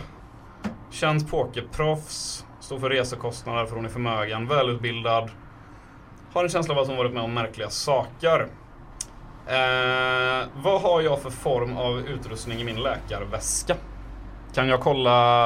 Jag, jag gör en snabb medicinsk undersökning på Caroline. Jag kollar puls. Eh, Men du vill ju inte väcka Hon henne. kommer inte vakna. Eh, du kan ju ha ganska hög puls. Det är ingen direkt vilopuls. Hon, eh, jag gör bedömningen att hon eh, är i ett oroligt negativt tillstånd liksom. Mm. Ja. Eh, all right. Eh, du, du, du, du, du. Är, är, hon, är hon drogad eller vad? Nej, jag tror inte det. Jag tror att UA, eh, jag tycker att du går och lägger dig här. Här. Ja, Ska jag, ska jag gå och lägga mig här? sängen är där. Ja men då får ni hålla utkik då. Absolut. Okej. Är jag lättväckt om jag sover eller är det svårt att vakna? När du går in i en sån sömn, då sover du. Alltså, då, eh, då väcker man inte dig. Nej. Förrän jag vaknar själv. Ja, precis. Mm. Om man skulle typ bära iväg mig därifrån. Skulle jag... Då, då skulle du fortsätta att sova. Ja okej. Ja. Ja, du har ju inte testat, men du tror Eh, det. ja, ja. Ja, ja, ehm, om du tror att det är det bästa så eh, okej. Mm. Eh, sen så vill jag göra en eh, grej med eh, Sergej. Eh, jag går fram medan hon börjar göra sig redo för att sova liksom. Så går jag fram till Sergej och så säger jag att ehm, det som jag sa, världen är mycket större än vad vi tror. Och eh, jag vet att du är en väldigt konkret och jordnära man, inte sant? Det skulle man väl kunna kalla mig. Ja, eh, jag var det. Och eh, ja, du har ju sett hur långt jag har kommit i livet. Det beror inte enbart på att jag föddes rikt utan det beror på väldigt många andra saker också. Men jag har kommit i kontakt med fenomen, händelser och eh, annat som har eh, öppnat mina ögon för att världen är mycket större än vad vi tror. Och vi är kapabla till mycket mer än vad vi tror. Och för att du inte ska avfärda mig som eh, någon slags rik new age-guru som bara betalar dig pengar och slår blå dunster i ögonen på dig. Så skulle jag vilja visa dig någonting. Om du eh, sluter ögonen och försöker slappna av lite grann så kommer jag att lägga min hand på din panna.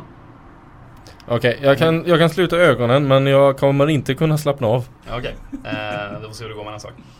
Sen vill jag använda min själskraft Ja. För att, eh, och jag citerar, eh, väcka förtryckta och genetiska minnen till liv hos människor.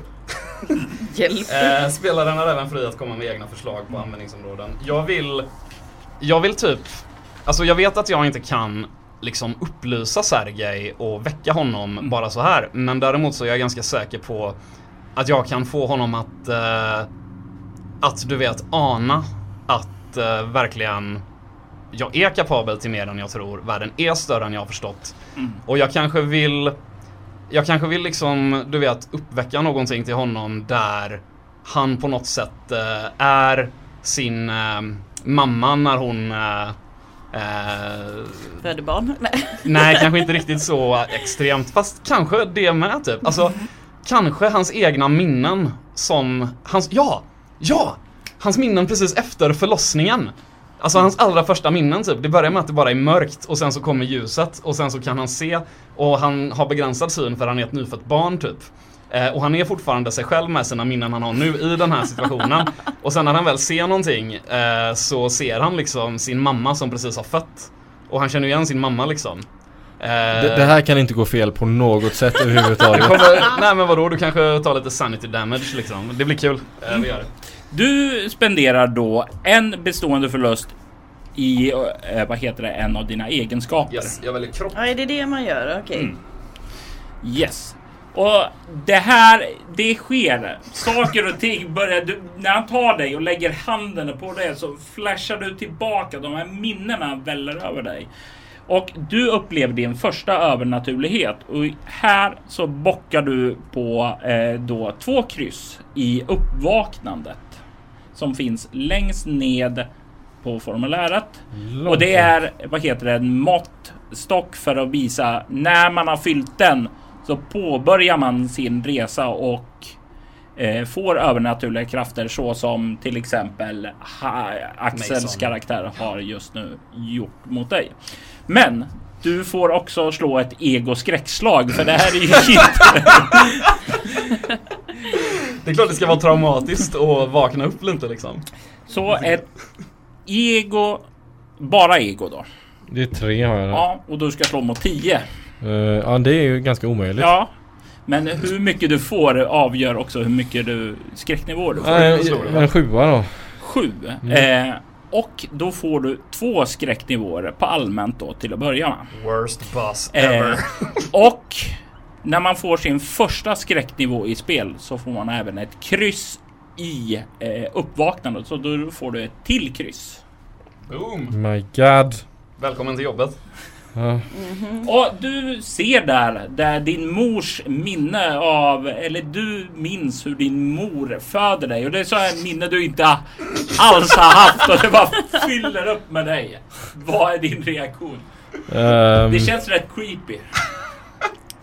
Alltså jag har ju, jag har ju genomlidit ganska otäcka saker i, under min tid i militären, under min tid med eh, säkerhetsfirman Blackstone. Jag, jag, jag har gjort eh, själv ganska obehagliga saker som jag har behövt hantera tidigare. Ingenting mäter sig med detta. Jag, eh, nej det här är det värsta jag har upplevt. Ehm, Tänkte inte klappa till honom så hårt. eh, nej jag vet inte riktigt. Jag, jag känner mig nog angripen Ja. ganska hårt. Och vad är din eh, flight or fight respons? Ehm, ja, alltså Hoppas inte det är fight. Nej men som, som, eh, som före detta, eh, jag vet inte, det står inte uttryckligen yrkesmördare här men alltså Jag antar väl att jag blir aggressiv, jag vet inte. Jag, antar, jag tror det. Mm. Det känns, Eh. känns naturligt för en, för en Ja, du, kan- Ja. ni kan ju slå ett kropp närstrid. Eh, jag, är- jag är nog ändå ganska förberedd på att det här kommer vara ganska traumatiskt Ja. för eh, honom. Så jag, jag försöker liksom vara beredd att när han kommer tillbaka verkligen Det är lugnt, du är här, eh, du är här med mig typ. Du vet, köra någon sån eh, Ja, det blir väl interaktion. Ja, men jag, jag drämmer till dig och jag får eh, sexa plus sexa plus sexa, 18. Ja, det här kommer svida. Eh, Okej. Du är beredd, försöka. Du kan, Mm. du kan få slå ditt eh, lugnande slag efteråt där. Eh, Ja. Men först är det kropp då va? ja, kropp närstrid. Ja, jag har ju inte ens nästa så- Och nu sänkte du kropp med ett Ja, också. precis. Så jag har bara fyra i kropp nu. Eh, åtta får jag. Och vad fick du? 18? Ja. Det är ett perfekt slag. Så du får två bestående förluster i kropp. Och ja, du lyckas perfekt. Mm. Eh, vad gör du? Alltså vad är ditt mål med honom? För nu, nu har du fritt att beskriva.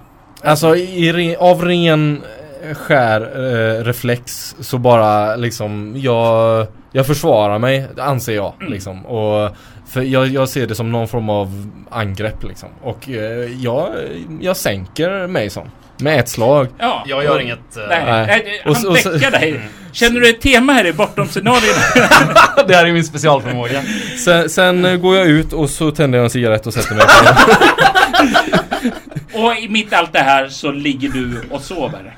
Ja, Ni, jag ni två kliver ut och skickar in Mikael.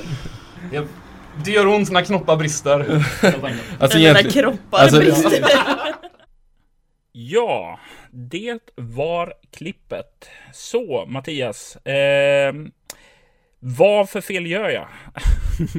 Nej, men till att börja med måste jag säga att jag, jag tyckte det var jätteintressant att lyssna på. Jag, har- jag har ju hört hela avsnittet också och eh, jag har hört dina tidigare, de tidigare gångerna du har varit med på Visby rollspel och eh, du är ju grym som spelledare och eh, jag, jag tycker det, de, de brukar vara en av mina favoritavsnitt egentligen när de kommer, när, när Robert Jonsson är där och eh, är, är gäst i SL. Eh, så jag, jag skulle inte liksom börja med att säga att det, det, det är fel och att eh, liksom, det är dåligt på något sätt. Däremot kan jag väl ge lite, lite pointers till hur vi skulle ha gjort det om det skulle ha varit Red Moon Roleplaying. Mm. Och eh, vi skulle väl, i det här klippet så, så är det en hel del prat om regler. Det är, mycket eh, hur saker fungerar, siffror som bollas fram och tillbaks. Eh, vad vi skulle ha gjort förmodligen är att de frågorna skulle säkert ha dykt upp kanske i spelet, men vi skulle korta ner det till att, att spelaren då säger okej, det här är vad jag vill använda, de slår ett slag och sen får vi resultatet och konsekvensen. Så att liksom flowet hålls kvar. Ehm, en annan sak är att det är eh, en hel del eh, och mm, och det gör vi också när vi spelar in. Eh, för att det gör man som människa. Det är, så om man inte är liksom tränad så gör man det. Eh, Men om man tar bort det, om man tar och klipper ut det, så låter det rappt. Det låter nästan som på en liksom, film. Det låter som att spelarna verkligen vet vad de gör. Och det gör det mer spännande att lyssna på. Det tar ganska lång Jag- tid att jag göra, kom- men, eh, Mm. men det, det, det, ger, det ger en hel del. Jag, jag kommer ihåg när jag började redigera den här podcasten. För jag är en Ö och E-are. Eh, och jag har blivit ännu mer medveten om det sedan jag började redigera podcast. Eh, för det blir ju så himla, himla tydligt. Eh, och det låter så himla, himla illa i mina öron i alla fall. Ja, helt klart. Det, det är ju, alltså jag, har, jag är med på ett sånt här forum för podcast editors. Ehm, och det de pratar om, de flesta, är just, ja, det här är vad vi gör. Vi klipper bort liksom you know och ö och ö. Det är, liksom, det är det de gör, det är det som är huvuddelen av jobbet egentligen. Um, men, men alltså det här är ju en sån grej, du, du kan ju tolerera det, det man, man vänjer sig egentligen eh, vid det och det, det är egentligen inget fel på det, det, det är så man pratar naturligt, det är så det låter vid spelbordet. Men om du vill ha det rappt, om du vill ha det mer som en eh, radioteater eller en film, då kan det vara ganska schysst att och, och plocka bort det. Mm. En till sak som jag eh, kunde höra var ju att jag tror att ni hade ett fönster öppet eh, under inspelningen. För jag vet att Vispa Ja. Eh, studio blir väldigt varm. Det, det är exakt, exakt så det är, ja. Ja, det är ju inget fel i sig egentligen. Och särskilt i och med att ni spelar ett modernt spel, lite stadsljud i bakgrunden sådär. Det är väl kanske inte hela världen, men det är ju genomgående. Så oavsett var ni är i storyn så kommer det liksom vara ungefär samma ambiens då. Eh, Som du vet så gillar jag ju att använda bakgrundsmusik. Eh, jag gillar hur Svartviken använder ljudeffekter till exempel. Så om man, om man kan få bort det på något sätt, beroende på, liksom på vad, hur man spelar in, hur man jobbar med noise reduction, eh, hela den biten. Ehm, om du kan få bort det och sen lägga in någonting som då är mer eh, just skapa den här skräckstämningen. Så tror jag man kan lyfta det en nivå till. Eh, för att eh, oftast, eh, alltså de, de äventyr du har spelat, de är ju alltså, de är väldigt scary allihopa. Så jag tror att om, du, om man hade liksom ett Robert Jonsson eh, bortom skräckäventyr med liksom dark ambient och lite ljudeffekter. Oj, oj, oj, det skulle bli, det skulle bli grymt. Det här är också grymt, det skulle bli eh, ännu grymmare. Jag lovar ingenting, men det finns tankar i mitt huvud snurrande. Eh, vi får se när jag hinner komma fram till något sådant. Eh, ja, eh, jag, jag säger som så att eh, det, det här eh, spelmötet eh, som jag hade där är ju, eh, vad heter det, taget av eh, en kommande miljö eh, till Bortoms nästa upplaga.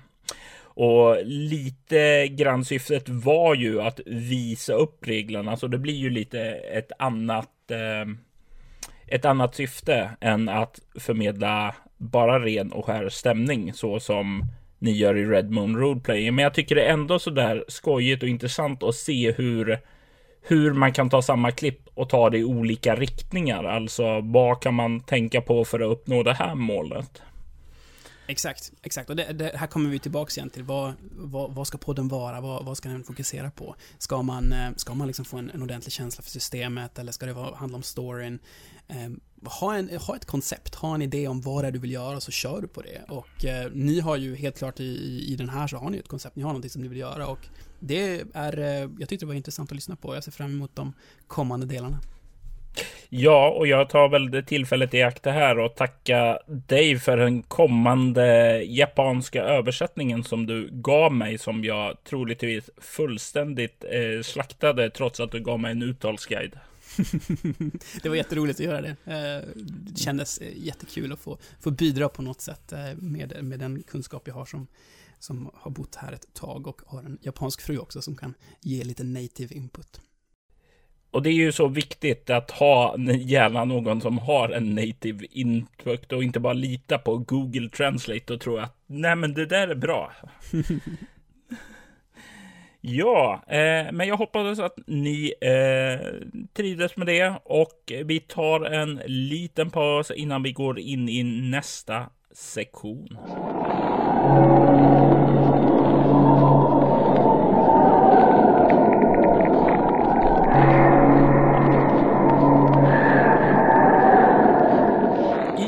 Under arbete så tar vi och diskuterar lite om vad som är på gång här och nu. Och Mattias, eh, jag tänkte, jag brukar börja och fråga gästerna. Vad eh, håller du på att pyssla med nu? Vad väntar i framtiden för Red Moon Rule Playing?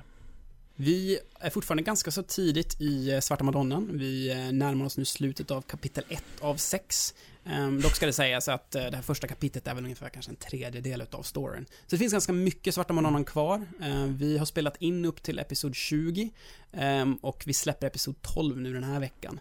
Ehm, så det jag håller på nu med väldigt mycket är ju då just att redigera. Det, det tar sin tid alltså. Det tar sin tid när man gör det på det sättet som, som vi gör det. Eh, jag vet inte riktigt varför jag gör det mot mig själv egentligen, men alltså, när, man, när man klipper sådär väldigt detaljerat och du har liksom så hundratals klipp i vartenda liksom avsnitt, det kan, det kan ibland ta sig en timma för att få ihop tio minuter material. Eh, och sen har man liksom småbarn och kanske tre timmar per dag som man faktiskt kan, kan använda till egna grejer. Då tar det sin tid liksom att, att redigera färdigt. Men det är ju väldigt givande och eh, väldigt, väldigt kul. Men det är mycket det jag gör just nu och så förbereder jag de kommande sessionerna. Ehm, och sen har vi... Jag, en- jag, jag gissar ju på att eh, svaret på varför du gör det här mot dig själv är ju för att du får ut någonting när andra lyssnar och tycker det är bra. Alltså det, det är ju belöningen då. Exakt, exakt. Annars skulle jag nog inte göra det på det här viset, utan då skulle jag nog bara köra då kanske jag skulle spela in det bara och liksom ta det raw liksom och spara ner det så att jag har det som ett minne inför framtiden.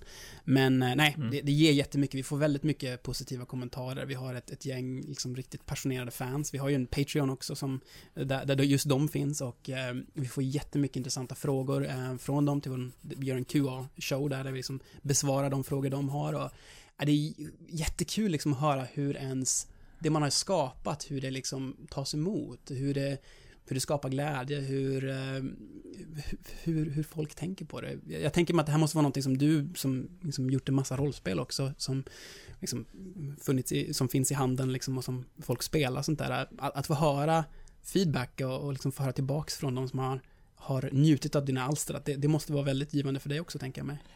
Absolut, absolut. Och det är ju det, är ju det som är den största belöningen man får. Det är ju inte ekon, ekonomisk vinning, utan det är just där man hör någon annan går igång på något man har skapat och säger Fan vad det där var läskigt eller vad fan vad roligt vi hade. Alltså det är den största belöningen som jag liksom som får mig att le mest. Helt klart, helt klart.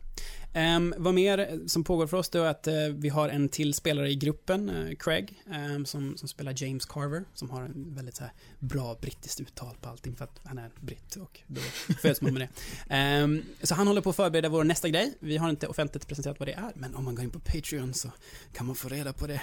Lite hint hint där. det är helt okej att plugga saker. Eh, så spring och prenumerera nu om ni vill veta vad som väntar i framtiden då. Exakt. Eh, jag, jag, jag blir bara nyfiken här när du tog upp det här med Patreon och sådant och ni får feedback och sådant.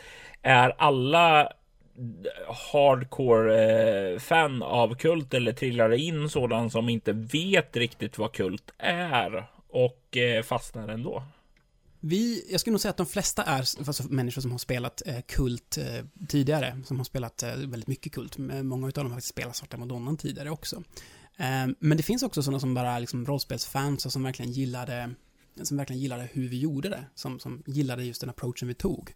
Jag, jag visste att det fanns fler som kände som, som jag själv och, och, det, och det finns det. Eh, det är inte nödvändigtvis jätte, jättemånga, men eh, de är några stycken i alla fall eh, som, som finns där och Ja, det är, men, men helt klart mycket kult. Om vi tittar på, på de som till exempel likar vår Facebookgrupp, det är mycket det är mycket liksom män runt min ålder, alltså runt 30, 33 till upp till, eh, till eh, 40 någonstans. Många som var med och spelade kult back in the, the good old days, som, som har spelat Svarta Madonnan eller hört talas om Svarta, Svarta Madonnan.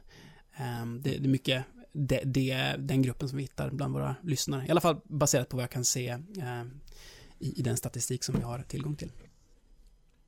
Eh, jag, jag måste, måste ju passa på att fråga eftersom eh, jag tycker det är betydligt behagligare att eh, lyssna på svenska podd än engelska. Eh, ja, finns det möjlighet att det kommer en svensk spin-off från er? Jag skulle faktiskt väldigt gärna göra någonting på, på svenska. Kanske allra helst eh, något inriktat på gamla klassiska äventyr. Eh, Marco Berman på eh, Helmgast, han har en grupp som spelar kronologiskt igenom Drakar och Demoners äventyr. As written. Och just den här typen av rollspelsarkeologi fascinerar mig väldigt, väldigt mycket. Det är ju en, en, en sån sak som är väldigt häftig också med Vi spelar rollspel när de nu kör liksom, genom konfluxen, att man kör någonting gammalt liksom. Det, det är ju det vi gör vid Svarta Madonnan också. Ehm, så jag skulle jättegärna göra något sånt, men alltså just nu, det, tiden är lite väl kort. och sen finns det som sagt väldigt många andra bra actual play-poddar på svenska att lyssna på. Så, Mm. eh, så jag kanske håller på, på den här ett tag. Men hej, om någon vill göra det så stjäl gärna idén från mig. Från, eh, eller, det är inte min idé nödvändigtvis, men stjäl gärna idén. Det skulle vara fantastiskt att lyssna på. Eh, Jag skulle verkligen vilja höra någon typ köra med Spindelkonungens pyramid eller eh, liksom Döda skogen eller så här, Marsklandet eller något annat. Så det skulle vara jättekul att höra någon spela det. Jag tror aldrig jag kommer spela det själv. Eh, nice. Eh, några andra ja, projekt är på gång för dig eller Red Moon Roleplaying som du vill dela med dig av? Nej, det är, allting handlar om podden just nu. Jag har eh, en hel del liksom, jag skulle jättegärna skriva liksom, scenarion och sånt där, gärna för, för kult. Eh, just nu finns bara inte tiden. Men, men det, det finns en massa idéer där. Det, det gäller bara att liksom, på något sätt kunna, kunna hitta tiden. Och det, kanske, det kanske kommer lite tid för det efter att eh, Svarta Madonnan är klar. Vi får se. Då tänkte jag ta och dela med mig lite om vad som har hänt hemma hos mig i min skrivstudio. Och när jag säger lite så menar jag verkligen lite, för det har varit en intensiv period nu den senaste månaden. Det som jag har sysslat med mest, det är ju att sitta med eh, Svartsvan. Eh, layouten fortgår. Eh, första och andra kapitlet är kvar. Mardrömsgrejerna ifrån kapitel 1 är nu äntligen lösta så jag kan bocka av den här färdig bocken i mitt schema och det känns jätte jätteskönt. Eh, jag har även skrivit klart de sista texterna om Golgata. Eh, den religiösa staden som förekommer i den här boken och med det så är all text färdigskriven. Så nu är det bara korrektur och layout kvar. Eh, så jag hoppas kunna komma igång med det här nu när allting börjar lugna ner sig. Och det andra som egentligen jag har pysslat med och det här är för att Gothcon eh, börjar närma sig och eh, eller ja, Gothcon i sig börjar inte närma sig för det är ju påsk som vanligt. Men anmälningen för scenariot eh, börjar eh, bli aktuellt. Och det har fått mig att fundera tillsammans med min medarrangör Kristoffer Hagström vad vi ska fokusera på. De senaste åren så har det varit Leviathan, men i år eller nästa år eh, kommer vi att återvända till Bortoms värld. Och vi kommer då att fortsätta eller nystarta en eh, sak som försiggick eh, way way back när Bortom var in the dark. Det var då fyra år i rad som vi spelade en um, konventskampanj mer eller mindre. Eh, som började med eh, scenariot som man sår som finns att ladda ner från hemsidan. Som eh, kretsar mer eller mindre kring en man som heter Thomas Xavier. En eh, man som är känd som en mycket, mycket hemsk människa som eh, dömdes till döden på 70-talet och därefter försvann från jordens yta. Och det här är en vad heter det, berättelse som handlar mycket om, eh, ja vad ska man säga, den mänskliga själen i sig.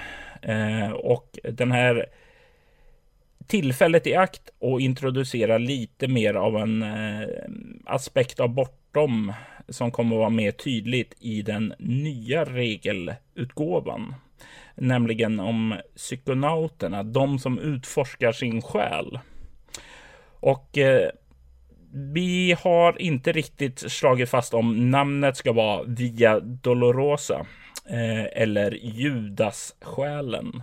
Men det kommer att vara en återkomst av Bortom eh, nästa eh, år eh, och en återkomst av en del gamla bekanta karaktärer. Så om ni har varit på Gotcon för länge, länge sedan eh, och spelade då så kommer ni nog känna igen er lite tills dess. Och det här kommer väl att dyka upp på hemsidan eller i en tryckt bok eller sådant framöver. Ehm, men det blir inte förrän jag är klar med nästa regelversion av Bortom i alla fall. Och Axel Widén från Vi spelar rollspel har eh, bollat ihop eh, väldigt, väldigt trevlig layout och det här kommer att eh, kommer att bli bra. Men ni får vänta lite tills det. Ja, och det tror jag var allt som fanns i studion från mig. Så då tycker jag vi går ner vidare till nästa segment, Mattias. Ja. Äntligen, måste jag säga. jag ser fram emot det. Det här kommer bli grymt.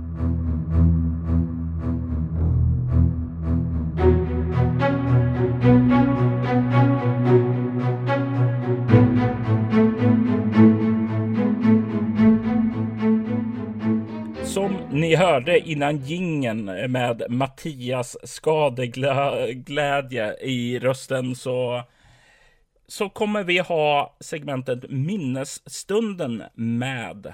Och eh, ja, minnesstunden uppfanns för att sätta mig på plats.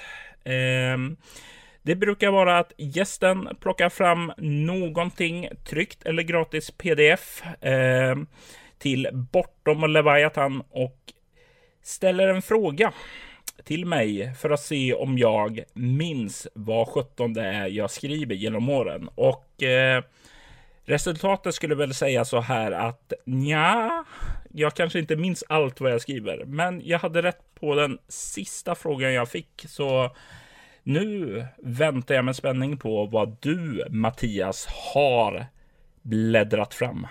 Ja, jag har ju faktiskt alla böcker som du har släppt hittills. Eh, Man skulle till och med kunna säga att jag har den största samlingen av svenska rollspel i Japan. Så, Det tror jag. så om Sverige går under, då, det, det är säkert, det finns, det finns en samling här borta. Nu är det i och för sig mer troligt att Japan går under, men okej. Så Robert, är du redo? Ja. Okej. Vad heter det ufo-jagande paret Whitfield vid Lake Havato i förnamn? Oh, jag vet att kvinnan hette Bertha. Eller jag vet det.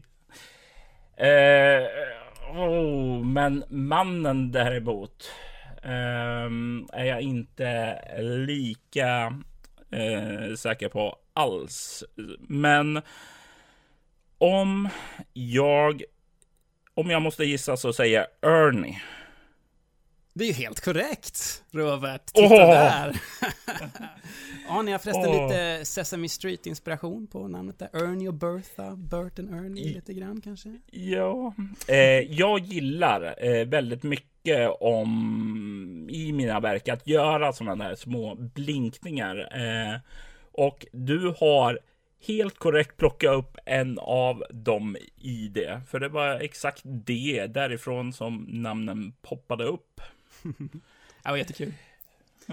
Eh, och för er som undrar eh, var det här kommer ifrån så är det ju från eh, kampanjen till Bortom som heter Noahs sista drag. Och i den tredje akten då så är, handlar det väldigt mycket om att ja, undersöka mystiska händelser som ja, folk tror har att göra med utomjordisk aktivitet. Och den här kampanjen var väldigt intressant ur den aspekten att det var den första kampanj som jag både skrev och spelade till Bortom. Och den, eller rättare sagt Bortoms eh, föregångare In the Dark. Och den hjälpte väldigt, väldigt mycket till att forma eh, Bortoms världsbild och metafysik.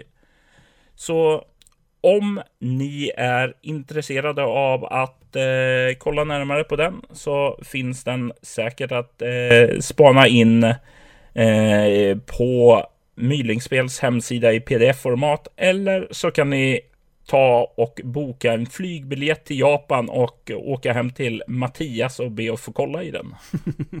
Ja, visst. Det ska vara jättekul att att få någon på besök. Ja, men nu, nu, nu känner jag så här bara. Åh, det är ett utmärkt tillfälle när adrenalinet pumpar alldeles högt efter den här segern över mitt minne att eh, ta och börja avrunda avsnittet innan all energi går ur mig. Om ni vill komma i kontakt med Bortom så kan ni göra det på bortom.nu. Ni kan eh, nå oss på och gilla oss på Facebook. Eh, följa oss på Twitter och Google eh, under Spela Bortom. Eller så kan ni mejla oss till info at bortom.nu. Mattias, om man vill komma i kontakt med dig, eh, hur gör man då? Eh, Mig personligen kan ni ju då och då ses eh, postande på eh, Bräd och rollspelsforum på Facebook. Red Moon Roleplaying finns på redmoonroleplaying.com. Så finns vi ju förstås på Facebook, på Twitter, YouTube, Instagram. Jag tror vi har en Snapchat också, inte för att jag vet vad man gör med Snapchat. Vet du vad man gör med Snapchat, Robert? För jag, jag fattar inte än.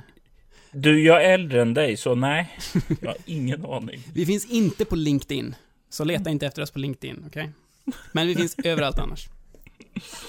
Ja, ehm, och jag tycker som sagt var ni ska stalka dem på alla de här sociala mediekanalerna. Och med det så säger vi Hades.